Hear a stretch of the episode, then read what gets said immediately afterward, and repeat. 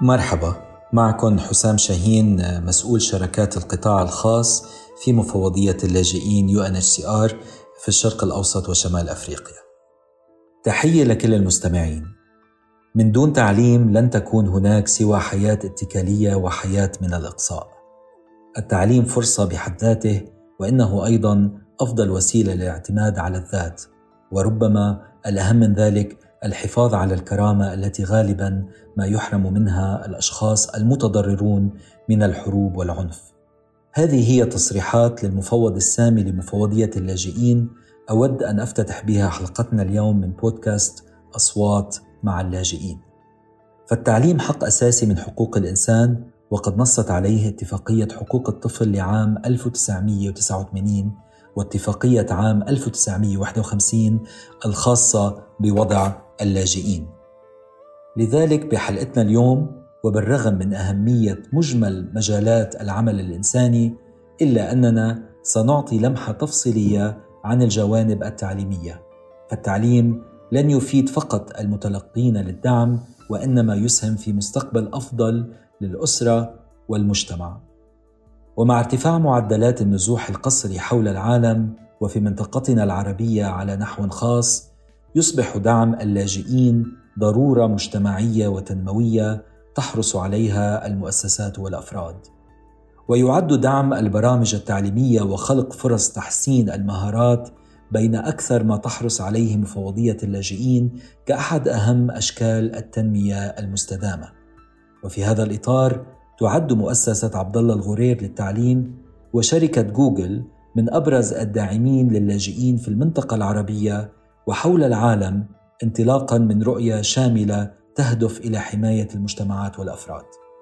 للمسؤولية المجتمعية التي تحرص على تقديمها مؤسسة عبد الله الغرير للتعليم وشركة جوجل أيضا تجاه اللاجئين والنازحين داخليا على الخصوص دور فعال بالشراكة مع مفوضية اللاجئين UNHCR في توفير الاحتياجات الأساسية لمن هم في أمس الحاجة ليعيشوا بسلام وأن يسهموا جميعا في النمو المجتمعي.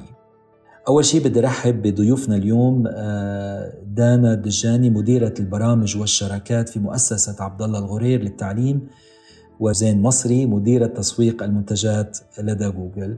مرحبا يعطيكم العافية. يمكن اليوم بلش الحوار مع دانا.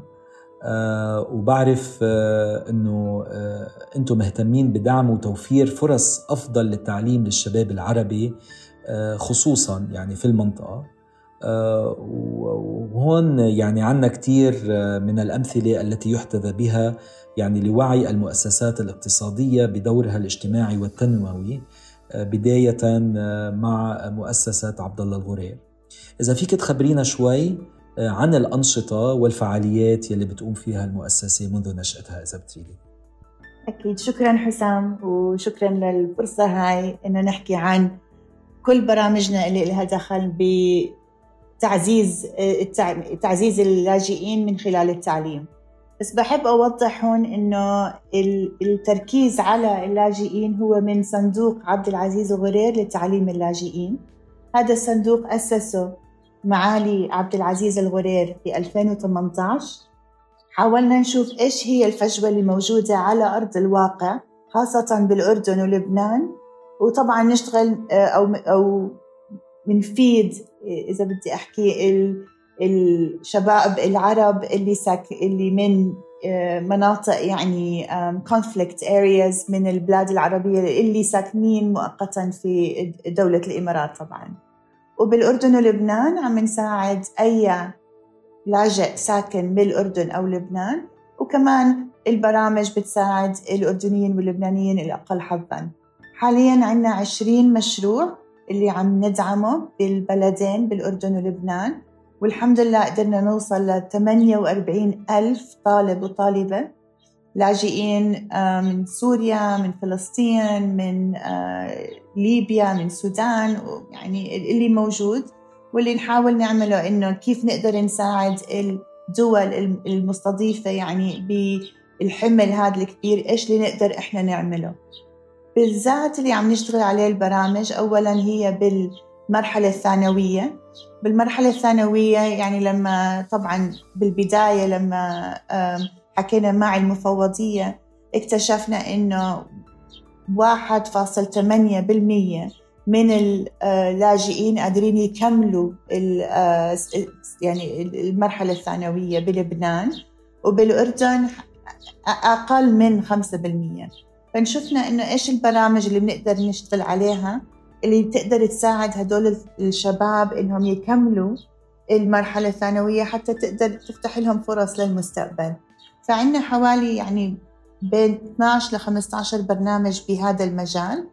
طبعا المفوضية واحدة من الشركاء زائد يعني مؤسسات آه، في منهم عالمية في منهم أكثرهم محلية وبيشتغلوا على العلوم الرياضيات الإنجليزي etcetera المرحلة الثانية اللي عم نشتغل عليها هي ال upskilling أو كيف نقدر نعطي مهارات مطلوبة من سوق العمل للاجئين. وخاصة عم نحكي عن الشهادات اللي يا إنها يعني accredited أو إنها معروفة من القطاع الخاص.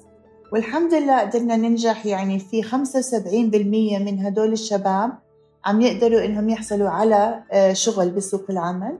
وعم نشوفه عم ننجح عم بنجح أكثر يعني خاصة بعد كورونا هو الريموت ورك يعني كمثال شاب بسوري بلبنان قدر إنه يشتغل بشركة بألمانيا من خلال ريموت ورك وياخذ يعني راتب كتير منيح ويقدر هو يعتمد على نفسه زي ما حكيت في البداية حسام.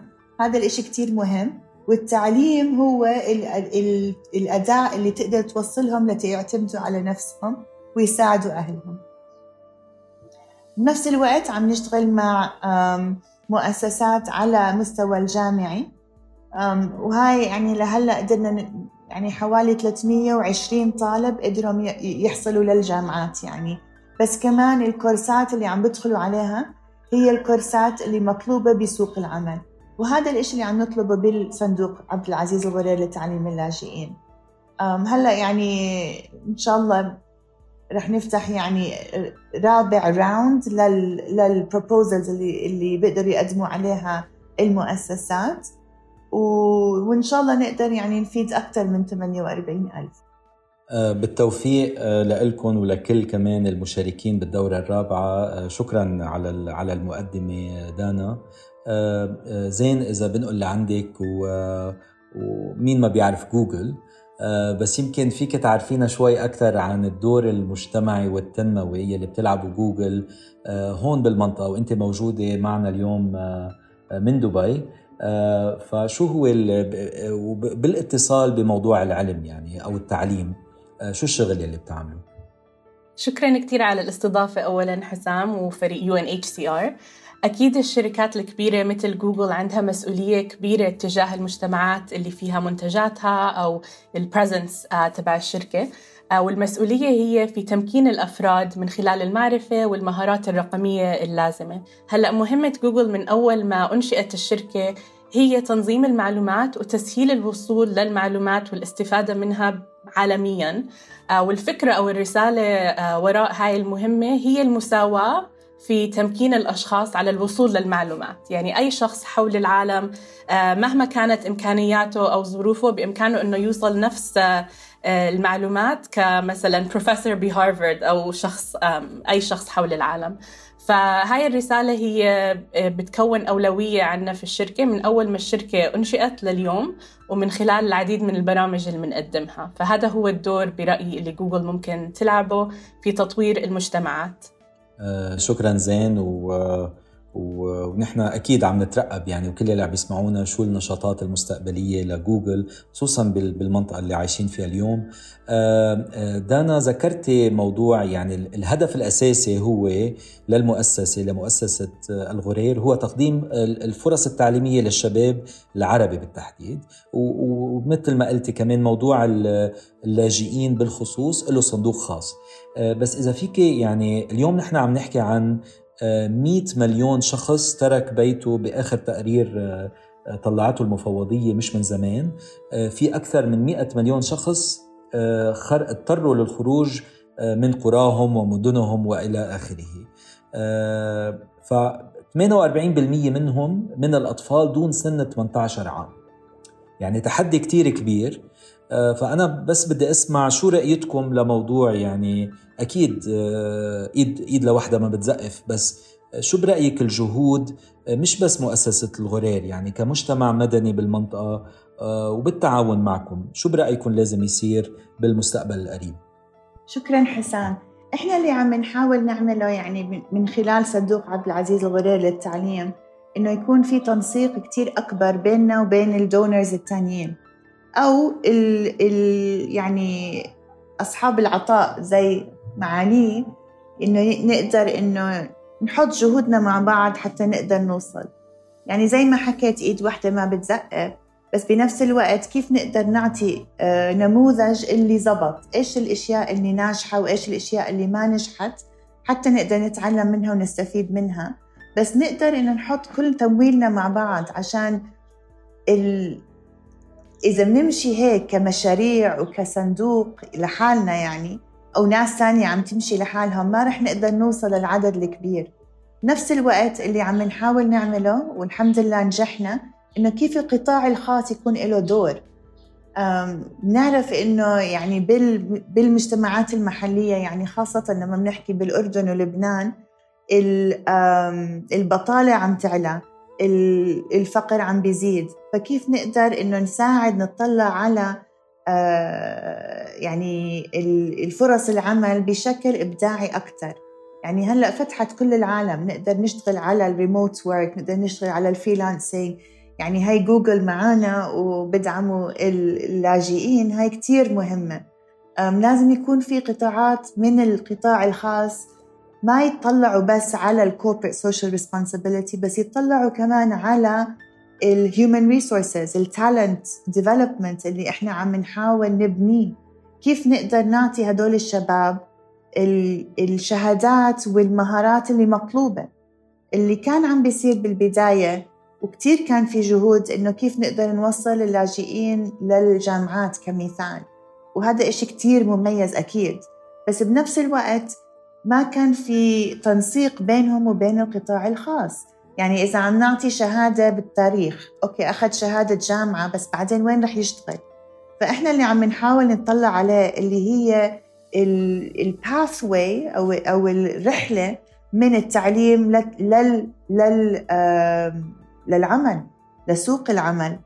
نطلع على إيش المهارات اللي بعد التخريج.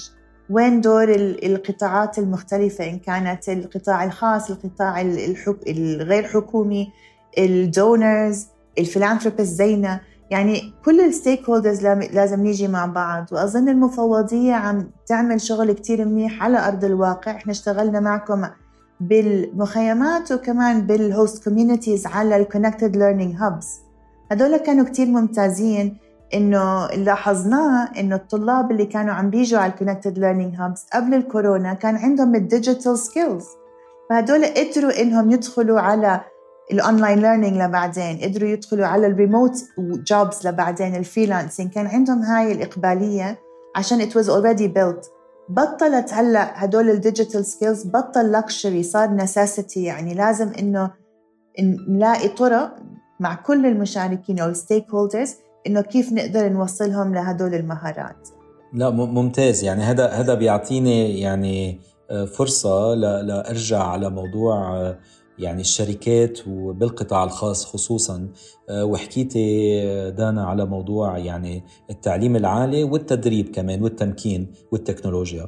فزين آه، إذا إذا فينا يعني أنتم أكيد مثل ما ذكرتي يعني بتركزوا على موضوع التعليم والمعرفة حتى حتى عبر العمل الأساسي اللي بتعملوه يعني مش كعمل آه، تطوعي ولكن عمل الشركة بيركز على المعرفة بحد كبير بشكل كبير. آه، إذا فينا نقول يعني اليوم 50% فقط من اللاجئين حول العالم بيوصلوا آه، للتعليم الجامعي. يعني كان إذا رجعنا ل 2019 كان بس 1% في تحسن ولكن تحسن طفيف لأنه بشكل عام 39% عادة من الشباب والشابات بيقدروا يفوتوا جامعة ولكن فقط 5% من اللاجئين واللاجئات بيقدروا يعملوا هذا الشيء. فسؤالي هو كيف بتشوفوا آه، دوركم أو كمان حتى دور آه، قطاع التكنولوجيا بشكل عام آه، بتمكين هؤلاء الشباب والشابات ليوصلوا للتعليم الجامعي بالمستقبل؟ هلا خلال الفترة الماضية خاصة ملايين من الأشخاص استخدموا منتجات جوجل منها يوتيوب وغيرها للوصول للمعلومات ولتعلم المهارات المختلفة منها المهارات الرقمية وغيرها طبعاً. آه وإحنا بهاي الفترة طورنا برنامج زي ما ذكرت آه دانا عن أهمية الباثوي يعني ممكن أي شخص إنه مثلا يبحث عن مهارة معينة بس الإشي الناقص هو زي باثوي أو مسار تعليمي ياخدك من أساسيات المهارات للمهارات المتقدمة أكثر فلهذا السبب أطلقنا برنامج اسمه مهارات من جوجل. آه، مهارات من جوجل هو عبارة عن برنامج أو منصة مجانية باللغة العربية.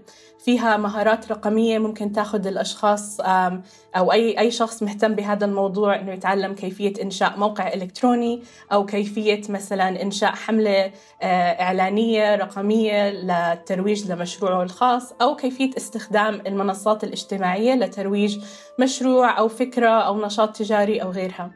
فسبب إنشائنا لهاي المنصة هو كان اولا النقص في الباثوي اللي هي مثلا آه، طريقة ممكن تاخذك من المهارات الأساسية للمهارات المتقدمة. وكمان إنه لاحظنا إنه في فجوة كبيرة في سوق العمل. آه، وأكيد هذا الإشي بيأثر على اللاجئين طبعا واي شخص حول العالم. آه، والفجوة كانت إنه في العالم العربي واحد من كل خمس وظائف تتطلب مهارات رقمية غير متواجدة بشكل كبير بالعالم العربي. ففي فجوة كبيرة في السوق. فحبينا إنه نساعد بسد هاي الفجوة من خلال البرنامج. وعن طريق البرنامج دربنا أكثر من مليون ونصف آه، شخص في العالم العربي. وخلال الفترة الماضية كمان شفنا أنه عشرات الآلاف من المتدربين آه، مش بس بالعالم العربي ولكن من بلدان زي تركيا وألمانيا والولايات المتحدة عم بيستخدموا المنصة في اللغة العربية. فلقينا إنه في أشخاص آه، من حول العالم ممكن يكونوا مهاجرين أو لاجئين أو أشخاص آه، عايشين في بلدان مختلفة. عم بيستخدموا المنصة آه، للتطور لتطوير مهاراتهم الرقمية والاستفادة من التكنولوجيا بشكل أكبر. ممتاز. ونحن شركاء على فكرة ببرنامجكم لتطوير المهارات وهلأ يمكن نحكي بعد شوي أكثر بس دانا إذا فينا أرجع لك على موضوع آه، مختلف الأعمار. يعني أنا وحكيت شوي على موضوع الستيك هولدرز أو الشركاء بموضوع التعليم. آه، أكيد ما فينا يعني نستثني إدراج التلاميذ بالنهج الوطني أو أنظمة التعليم الوطنية صح فهيدا يعني هيدا التحدي آه، هل يعني فينا نتخطاه إذا حكينا عن موضوع التكنولوجيا وهل أيضا بتشوف اليوم في فرصة أكثر من الماضي بأنه نساعد اللاجئين ينخرطوا أكثر وأكثر بالتعليم الرسمي إذا صح التعبير؟ بالضبط. عندنا يعني آه، كذا كذا مشروع ناجح بهذا بهذا المجال. إنه كيف نقدر نطلع على ال فرضا الكوريكولم تبع لبنان كمثال. مع Discovery Education. بخلال كورونا وال lockdown ما قدروا الطلاب إنهم يدخلوا أو كل الطلاب يدخلوا على online learning ما كان في online learning لكل الصفوف إذا بحكي هيك. فمع Discovery Education وكمان War Child Holland بلبنان قدروا إنهم يطلعوا على المنهجية تبعتهم بال platform وعملوا زي زي آه، كيف يقدروا إنهم آه، يدمجوها أو أو يعملوها الاينمنت مع المنهجية اللبنانية. فكتير من الطلاب قدروا إنهم يرفعوا مستواهم. اللي إحنا عم نحكيه إنه بعد المدارس أو داخل مع المعلمين المدارس عم بتدربوا على مناهج مختلفة إنهم كيف يقدروا يدمجوا مش بس اللاجئين بس الناس الطلاب اللي مش قادرين يلحقوا عشان كتير راح عليهم مدارس وخاصة بلبنان. يعني إحنا عم نحكي من من شهر 10 2000 2019 لبعدين أجت كورونا وبعدين أجى مشاكل تانية يعني تحديات تانية. فعم نحاول نشوف إيش اللي بنقدر نعمله من خلال المنصات المختلفة حتى نقدر نتأكد إنها aligned. الإشي الثاني اللغة الإنجليزية خاصة بلبنان. كتير كانت تحدي كبير للطلاب السوريين خاصة واللغة الفرنسية. ففي عنا كمان برامج تانية اللي ركزت أكتر جهودها على الإنجليزي العلوم والرياضيات واللغة العربية. حتى تقدر تساعدهم يرفعوا مستواهم ويقدروا يكملوا. معظمهم يعني كان التحدي بين صف تاسع بلبنان وصف عاشر بالأردن. فالريميديال education أو التعليم اللي بعد المدرسة ساعدهم إنهم يقدروا يرجعوا لل formal education. هدول الطلاب اللي كانوا يعني على مرحلة إنهم يعني dropping out بس إنه قدرنا إنهم نرجعهم على التعليم الرسمي. ممتاز. وذكرتي يعني كمثال لبناني اللي هو مثال كتير مهم. أه بس من ناحية تانية كمان كان عندنا تجربة كمفوضيات لاجئين مع مع جوجل مهارات أه اللي هو دعم أه بعض اللاجئين واللاجئات بتركيا والمغرب والجزائر. فزين إذا فيني أسألك شوي تحكينا عن هذا البرنامج شوي أكثر وشو برأيك للمستقبل؟ يعني اليوم عم نحكي كلنا أصلا الوضع الاقتصادي بالعالم ما حدا بيعرف شو حيصير وبنفس الوقت الأعداد تتزايد يعني للناس للأشخاص النازحين. فمع هذا البرنامج بالتحديد شو برأيك التحديات والمستقبل؟ أكيد. فخليني أبدأ أول ب بس سمري بسيط عن البرنامج اللي أطلقناه مع بعض. في عام 2020 أعلنا عن منحة جوجل دوت أورج بقيمة 300 ألف دولار أمريكي لمساعدة UNHCR ومن خلال المنحة UNHCR استضافت سلسلة من التدريبات على المهارات الرقمية. وشارك فيها عدد كبير من اللاجئين وأفراد المجتمع في الجزائر والمغرب وتركيا على مدار عام اللي هو العام الماضي.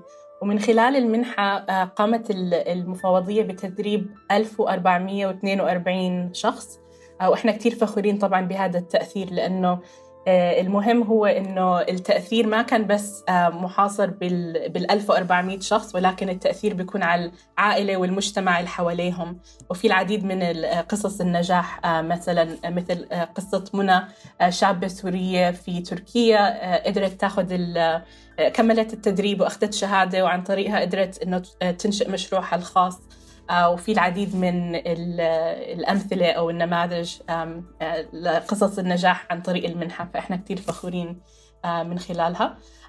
وكخطوة ثانية ممكن مثلا يكون في زيادة وعي عن المنصة وعن البرنامج وطبعا سرد قصص النجاح و و showcasing قصص النجاح ك role models أو نماذج آه، للنجاح عشان نشجع أشخاص لتعلم المهارات الرقمية والاستفادة من التكنولوجيا والإنترنت بشكل أكبر. ممتاز. ويمكن زين فينا نبلش نحط بال بالبايو آه، للبودكاست للحلقة. يمكن بعض اللينكس للأشخاص المهتمين يطلعوا أكثر عن البرنامج وكيف ممكن آه، يوصلوا كمان صوتهم أكثر آه، للناس اللي بيحبوا يشتركوا فيه. في في تحدي أساسي يمكن دانا اللي هو موضوع اللي ذكرتيه يعني موضوع اللغة الإنجليزية والاستعداد للمدرسة. بس يمكن آه، وصلحي لي إذا أنا غلطان بس يمكن عم نحكي عن آه، أول ثلاث أشهر من النزوح. يعني إذا الأطفال فاتوا بأول ثلاث أشهر من النزوح للمدارس بكون يعني بكون الوضع أحسن وعندهم فرصة أكثر إنه إنه يكفوا دراستهم من دون ما يضيعوا وقت. آه، ففيك فيك تخبرينا شوي شو شو عم تعمل مؤسسة عبد العزيز الغرير بهذا الموضوع؟ من تجربتكم أو أو حتى التحديات اللي عم تواجهوها بهذا الموضوع؟ الاستعداد بشكل عام يعني إذا آه، الأطفال لما ينزحوا مع عائلاتهم آه، بكون عندهم فرصة كتير أحسن حسب بعض الإحصائيات إنه يفوتوا بأول ثلاثة أشهر دغري على المدرسة لحتى ما يضيعوا وقت ولحتى كمان يعني يقدروا يتأقلموا أكثر مع البرامج الدراسية فيمكن فيك تحكينا شوي عن التحديات بهذا الإطار اللي بتشوفيها أكيد. وكمان الفرص أكيد. هلأ التحديات اللي شفناها على أرض الواقع كمان يعني آه هي معددة وإلها أسبابها. يعني كمثال عندك ال الزواج المبكر كمثال. يعني من من خلال تجربتنا أو من خلال يعني ال ال التحديات اللي عم نشوفها على أرض الواقع الزواج المبكر كانت تحدي كبير. آه، واحد من البرامج اللي إحنا دعمناه هو إنه نرجع هدول البنات لل التعليم الرسمي عشان يقدروا يتخرجوا بالأردن وخاصة هاي كانت بمخيم الأزرق. واللي صار إنه فتحنا أو المؤسسة اللي اشتغلنا معها اللي هي كانت ريليف انترناشونال فتحنا ودعمنا رياض أطفال أو مركز لرياض الأطفال. لهدول الستات الستات بس يعني الشابات يقدروا يحطوا بناتهم أو أولادهم بال بالمركز حتى يقدروا هم يكملوا مدرسة. فعم نحاول مع المؤسسات اللي بنشتغل عليها إيش كيف نقدر خاصة مع الشابات نرجعهم على التعليم الرسمي أو إذا لبعدين إنه كيف نقدر نساعدهم لياخذوا شغل اللي بيناسب مع ظروفهم يعني. الإشي الثاني اطلعنا على عمالة الأطفال ال child labor هاي كمان كانت عم بتزيد خاصة بعد كورونا عشان الفقر زاد يعني.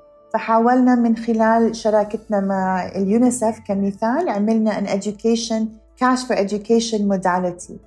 واشتغلنا مع الأهالي. كثير كان مهم إنه مش بس نشتغل مع الطلاب ومع المؤسسة بس الأهالي كثير مهم إنه يعرفوا قديش توعية التعليم قد هو مهم لأطفالهم. كيف نقدر نساعد بال education لل cash إنه كيف مربوطة بالتعليم الرسمي؟ إنه الطالب يرجع على المدرسة يقدر يدرس ويتخرج ولبعدين يقدر يشتغل. قدرنا إنه كمان نوفر لهم tablets من خلال كل ال online learning مش بس للوقت الكورونا بس لبعدين كمان إنه هاي كمان وسيلة للمستقبل. يقدروا يستخدموها للمستقبل للتعليم الدائم يعني. الإشي الثالث هو اللغة الإنجليزية. هاي كانت كتير كبيرة خاصة بلبنان بصف التاسع لل brevet عشان إذا الواحد ما بيقدر إنه ينجح بال brevet ما بيقدر إنه يكمل لبعدين. برامج اللي إحنا بندعمها عم بتركز كتير على اللغة الإنجليزية بس كمان لازم أكرر إنه دور الأهالي وندمجهم بالبرامج كتير مهمة ودور المجتمع المحلي كيف نقدر نعمل هذا الإدماج يعني ما يكون التعليم بس داخل حيطان المدرسة بس تكون داخل المجتمع. نقطة نقطة كثير مهمة ويعني يمكن آه، هيدا من التحديات الأساسية يعني بموضوع تعليم الأطفال. آه، بس إذا بنرجع على كمان موضوع التعليم الجامعي اللي هو كمان مهم جدا لتطور المجتمعات اللاجئة وين ما وجدوا. يعني اليوم نحن ذكرت من شوي إنه النسبة اليوم من الشابات والشباب هي 5% بالانخراط من اللاجئين للانخراط بالجامعات. آه، هدف المفوضية عم نحكي عن بسنة 2030 يعني مش مش من كتير من اليوم آه، إنه نوصل ل 15% فيمكن مش سؤال زين ولكن آه، رؤية مشتركة. كيف فينا نشتغل كلنا مع بعض؟ يعني عم نحكي عن الحكومات عم نحكي عن القطاع الخاص المؤسسات وحتى الأفراد. كيف فينا نشتغل للمستقبل حتى عبر التكنولوجيا لإيصال آه،. يمكن حتى أكثر من 15% آه، إذا ممكن. شو رأيك؟ السؤال كتير كتير مهم. وطبعا في تحديات كتير آه، ولكن في حلول كمان خاصة لما نشتغل مع بعض. بعض الحلول هي إنه نشيل أي obstacle أو barrier بيمنع أي شخص الوصول للمعلومات. فممكن هذا الإشي يكون عن طريق توفير الإنترنت أو الاتصال مع الإنترنت. توفير الديفايسز موبايلات أو لابتوب أو حتى آه، مثلا موقع مشترك فيه كمبيوتر لاب أو غيرها بإمكان أي شخص إنه يستخدمها. فهاي بعض الأمثلة. غير عن هيك هي الترويج للمنصات أو للبرامج اللي بتوفر مسارات التعليم خاصة المسارات اللي بتكون آه، متوفرة بشكل مجاني بإمكان أي شخص إنه يوصل لها.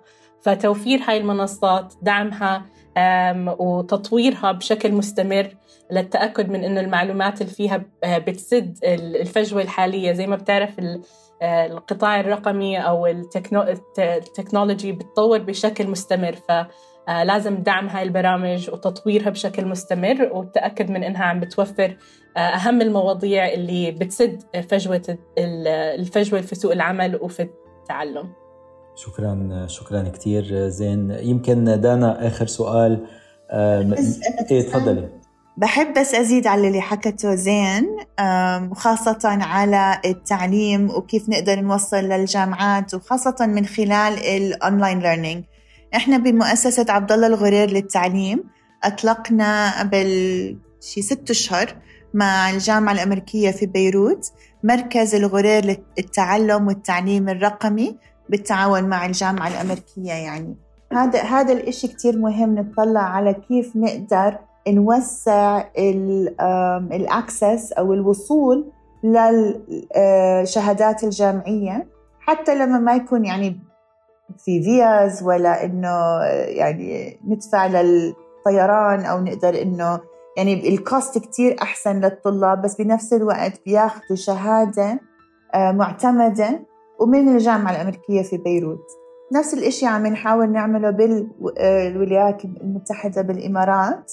مع تسع جامعات بالإمارات إنه كيف يقدروا إنهم to transfer الكورسات اللي موجودة عندهم لل online learning حتى نقدر كمان نوسع الوصول لل آه، للطلاب للجامعات خاصة الطلاب اللي أقل حظا اللي أبعد يعني مش ضروري يكونوا بالإمارات أو بال AUB بس يقدروا يوصلوا ل quality education. وهي كتير مهمة لنا إنه يكون في التعليم يعني الرقمي بس يكون quality أو بجودة كبيرة يعني. حتى تقدر توصل لهم أو تفتح لهم آفاق أكثر للمستقبل.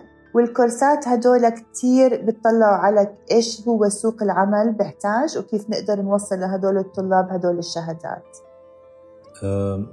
مبروك على البرنامج الجديد وشكرا كمان على على التوضيح. آه، يعطيكم ألف عافية. آه، دانا بس بدي أرجع آه، يمكن على على على موضوع التعليم للأطفال اللاجئين خصوصا. نحن اليوم عم نقول للدول يلي قدمت بياناتها يعني في عنا 68% من الأطفال التحقوا بالمدارس. يعني بطبيعة الحال يمكن آه، مش بكل الدول نفس النسبة ولكن عم نحكي عن هذه النسبة بشكل عام. آه، فيك تخبرينا شوي يعني آه، عن دوركم الحالي والمستقبلي. يعني في في كثير يعني ما شاء الله في كثير مشاريع جاية شكلها. ويمكن إذا بتعطينا ما سلطنا الضوء يمكن شوي على الأردن لأنه آه، بعرف كمان إنه في توفير مساعدات لأكثر من 2450 طالب في الأردن بهذه الفترة إذا ماني غلطان صح؟ هلأ إحنا عندنا بال بالمرحلة الثانوية وصلنا قدرنا نوصل لحوالي فوق ال 15000 آه، طالب حتى أكثر من 20000 يعني بديش أحكي الرقم بالضبط عشانه كثير أعلى من هيك. وبالأردن بالذات عندنا كذا برنامج بنساعد الطلاب على بالمرحلة الثانوية. نتطلع يعني أكثر إشي عم نتطلع عليه اللي هو كيف هو مش بس عشان نقدر نعطي الطلاب يقدروا إنهم يعني نسكر الفجوة ونقدر نخلي الطلاب إنهم يتخرجوا من المدارس خاصة التعليم الرسمي. بس كمان من خلال البرامج عم المؤسسات اللي عم نشتغل معها عم تعطي مهارات جديدة للمعلمين. المعلمين لما تفكر فيها لما يكون يعني آه، عندك double shifted school يعني فوجين وعندك ال ال ال عدد الطلاب بالصف نفسه صار كتير عالي. فالمعلمة كيف رح تقدر إنها تعلم وبنفس الوقت إنها تعمل control على الصف أو تقدر تعطيهم نموذج إنه يكون يعني interactive أكتر ويخليهم يتفاعلوا معاها. فالمؤسسات اللي عم نشتغل معها عم بيعطوهم هدول المهارات إنهم كيف يقدروا يتعاملوا مع الطلاب خاصة لما يجوا الطلاب من من من مناطق مختلفة من لهجات مختلفة ومن يعني مستويات تعليمية مختلفة. فهاي كمان كانت كتير مهمة لإلنا إنه نطلع على إيش هم. كيف نقدر نبني قدرات المعلمين بناء على احتياجاتهم ونقدر نوصل للطلاب ال... يعني خاصة المواد الصعبة لما يكبروا بس بالتوجيهي بالأردن كتير كان مهم إنه يكون في ما بدنا نحكي دروس خصوصية بس يكون في للمجموعة برامج خصوصية حتى تقدر تساعدهم إنهم يعني ينجحوا ويجيبوا علامات عالية. بس بنفس الوقت في برامج بتعطي توعية إنه في أكثر من باثوي بيقدروا ياخدوها. من الصف التاسع إيش الأشياء اللي ممكن أنا أدرسها؟ إيش أدخل علمي ولا أدبي؟ يعني كل هدول الأفكار مش بس للاجئين بس كمان للطلاب الأردنية. كتير هدول المهارات مهمة اللي ما كانت موجودة اللي هدول المؤسسات عم تبني هدول المهارات عند الطلاب. زين بس شفتي يعني في كتير في كتير فرص اليوم كمان للتعاون وانت حتكوني سفيرتنا بعالم التكنولوجيا يعني على موضوع اللاجئين. فما بعرف شو شو يعني شو أخذتي معك اليوم؟ شو برأيك في أفكار جديدة ممكن نكتشفها لمساعدة لدعم التعليم إن كان الابتدائي الثانوي المتوسط أو حتى الجامعي بالمستقبل القريب؟ اولا شكرا كثير لجهودكم يعني من أول ما أنشئت يو ان اتش سي ار لليوم وخاصة في العالم العربي. برأيي في في كثير من الأفكار آه، طرحت اليوم آه، ممكن آه، البدء فيها أو تكملتها سواء كانت مثلا خلال برنامج برنامج مهارات من جوجل اللي ذكرناه قبل أو زيادة الوعي عن منصات متشابهة أو كيف ممكن إنه نخفف الباريرز أو أي شيء واقف بطريق شخص عم بيحاول يوصل لمعلومات أو أو للتكنولوجيا أو للمهارات الرقمية. وكمان فكرة مشاركة قصص النجاح برأيي هذا إشي ممكن نركز عليه لأنه بشجع الأشخاص وخاصة في العالم العربي على التعرف على قصص أو أو طرق لاستخدام التكنولوجيا والمهارات الرقمية ممكن يشجع عدد أكبر بالالتحاق أو تعلم هاي المهارات. ف برأيي هاي الأشياء ممكن نشتغل عليها مع بعض وزيادة الوعي عن هاي المهارات وتوصيلها لأكبر عدد من الأشخاص. ممتاز شكرا جزيلا. دانا أي شيء بتحب تضيفيه قبل ما نختم؟ بحب كمان أشكر UNHCR يعني مش بس كشريك للمؤسسة وللصندوق بس كمان لصوت اللاجئين. والإشي الثاني اللي بحب أحكيه إنه من خلال التعليم واللي إحنا شفناه يعني بدي أعطيكم بس مثال أخير. واحدة من المؤسسات بنشتغل معها بلبنان اللي هي Unite Lebanon Youth Project.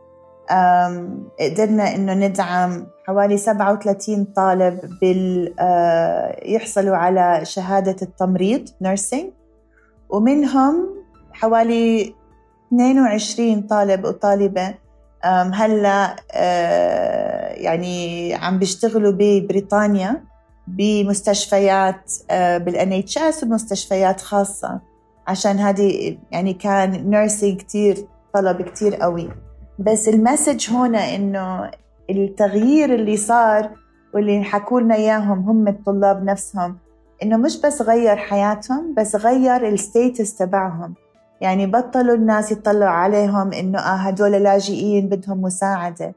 بس بالعكس عم بتطلعوا عليهم إنه هدول they're competitive ودخلوا بال market competitively وقدروا يحصلوا على الشغل زيهم زي غيرهم. فهلأ هم nurses بس هم كمان قالوا إنه they're committed يساعدوا الناس اللي كانوا زيهم وكيف يقدروا يفتحوا لهم المجالات. فأظن زي ما حكت زين ال success stories أو هدول القصص مش بس مهمة عشان نحكي إنه نجح البرنامج هي المهم إنه هدول الأصوات اللاجئين تقدر توصل إنهم يساعدوا اللاجئين التانيين حتى يعطوهم هذا الأمل. إنه في يعني التعليم عن جد وسيلة ل, ل, ل, يعني سبيل معيشة أفضل وهم يقدروا يعملوها يعني من خلال تجارب الناس التانيين. فأظن لو بنقدر من خلال من خلالكم إنه نجمع أكثر من الشباب اللاجئين وإن شاء الله البودكاست الجايين تكون معاهم هم هم يحكوا عن أنفسهم كمان. فشكرا لك كتير وزين إن شاء الله إحنا كمان نقدر تكولابوريت حاسة في أشياء كتير لازم نشارك مع بعض. أكيد أكيد دانا شكرا كثير آه، لكن آه، زين مصري مديرة تسويق المنتجات في شركة جوجل آه، ودانا الدجاني مديرة البرامج والشركات في مؤسسة عبد الله الغرير شكرا جزيلا ويعطيكم ألف عافية. شكرا كثير لكم شكرا حسام شكرا للفريق. ويجب التذكير بأنه يحث الهدف رقم أربعة من أهداف التنمية المستدامة على ضمان التعليم الشامل والجيد للجميع وتعزيز فرص التعلم مدى الحياة. التعليم يحمي الأطفال والشباب اللاجئين واللاجئات من التجنيد القسري في الجماعات المسلحة وعمالة الأطفال والاستغلال الجنسي وزواج الأطفال كما يعزز من صمود المجتمع التعليم يمكن من خلال منح اللاجئين المعرفة والمهارات اللازمة ليعيشوا حياة منتجة ومثمرة ومستقلة. التعليم ينير ينير حياة اللاجئين مما يمكنهم من التعرف على أنفسهم والعالم من حولهم في الوقت الذي يسعون فيه إلى إعادة بناء حياتهم ومجتمعاتهم.